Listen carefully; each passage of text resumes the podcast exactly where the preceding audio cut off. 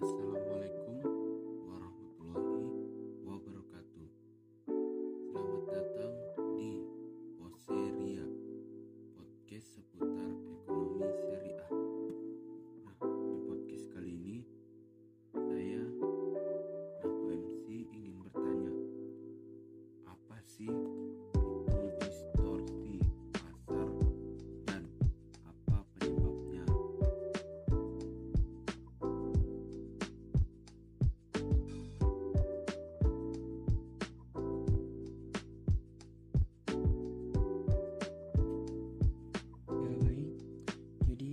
sir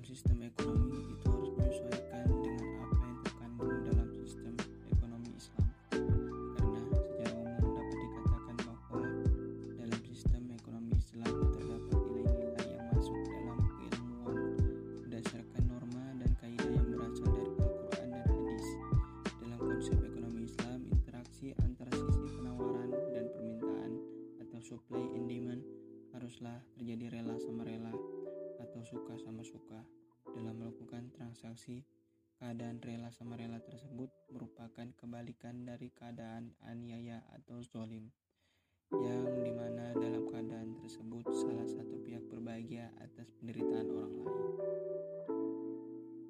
Distorsi pasar ini sering dilakukan oleh para pelaku untuk pelaku pasar untuk mencari keuntungan secepatnya jauh di atas wajar dengan merugikan pihak, pihak lain.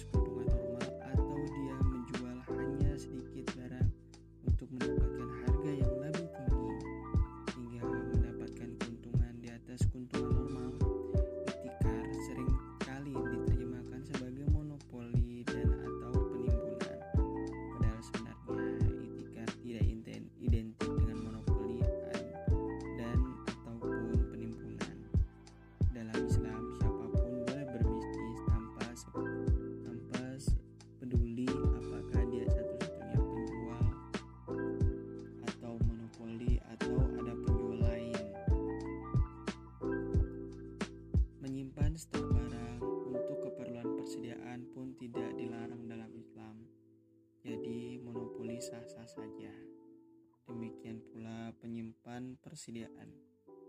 Yang dilarang adalah itikar, itikar yaitu mengambil keuntungan di atas keuntungan normal dengan cara menjual lebih sedikit barang dengan untuk harga yang lebih tinggi atau istilah ekonominya monopoli monopolis rent seeking jadi dalam Islam monopoli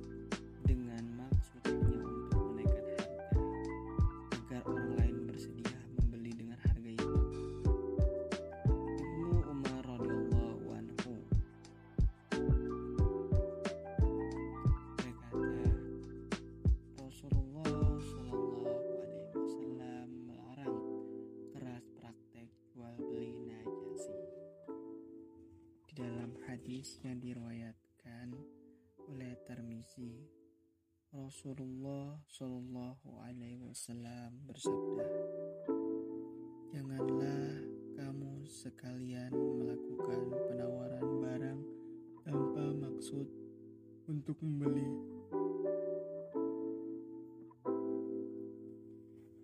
Hadis riwayat Tirmizi. Jadi transaksi najasi um,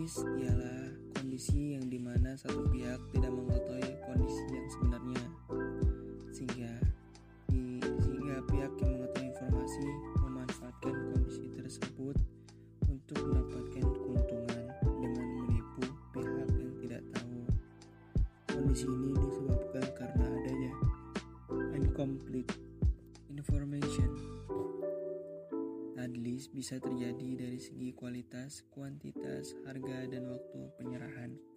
Tadlis ini terjadi karena adanya ketidakjujuran di antara pihak yang melakukan transaksi. Sistem ekonomi Islam melarang hal ini. Karena ketimpangan informasi tentang barang yang akan diperjualbelikan karena dengan adanya informasi yang tidak sama antara kedua pihak, kedua belah pihak, maka unsur antara mingkum kerelaan bersama dilanggar. Untuk menghindari penipuan masing-masing pihak harus mempelajari strategi pihak lain. Dalam dalam ekonomi konvensional ini dikenal dengan zero same game theory. Al-Quran dengan tegas telah melarang semua transaksi bisnis yang mengandung unsur penipuan dalam segala hal untuk terhadap pihak lain seperti dalam surah Al-An'am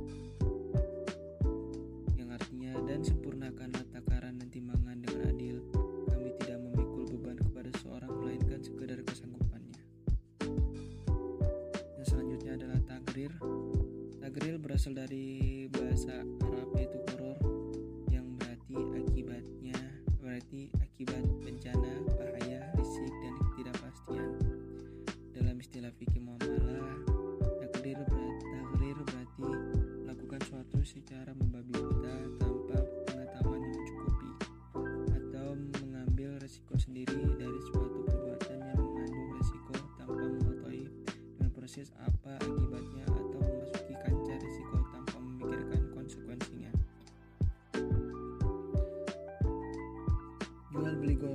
ialah ialah suatu jual beli yang mengandung ketidakjelasan atau ketidakpastian.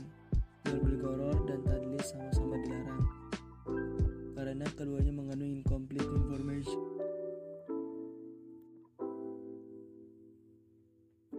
Namun berbeda dengan tadlis di mana incom- incomplete information hanya diladenin oleh satu pihak saja atau unknown to one party. Misalnya pembeli saja atau penjual saja dalam goror incomplete information dialami oleh dua pihak baik membeli maupun penjual. Jadi dalam goror terjadi ketidakpastian atau ketidakjelasan yang melibatkan dua pihak unknown to good parties. Contohnya jual beli ijon hijau, jual beli anak sapi yang masih dalam kandungan ada di dalam kolam, sebagaimana tadlis jual beli goror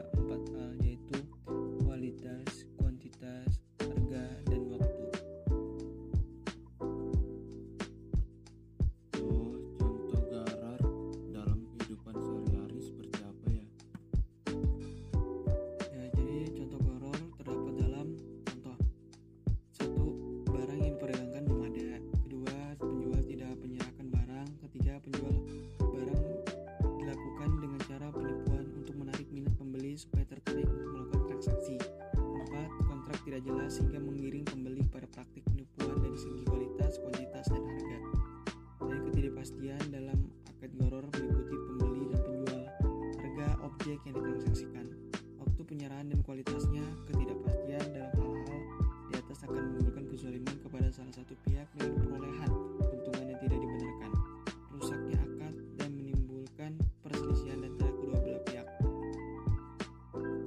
Juga menguatkan bahwa dan juga ada yang menguatkan bahwa pelanggaran unsur goror disebabkan karena menimbulkan perolehan yang tidak adil, di antaranya pihak yang tidak terlibat oleh karena itu, sebelum melakukan suatu akad, harus jelas unsur di atas sehingga tidak ada pihak-pihak yang dirugikan di kemudian hari.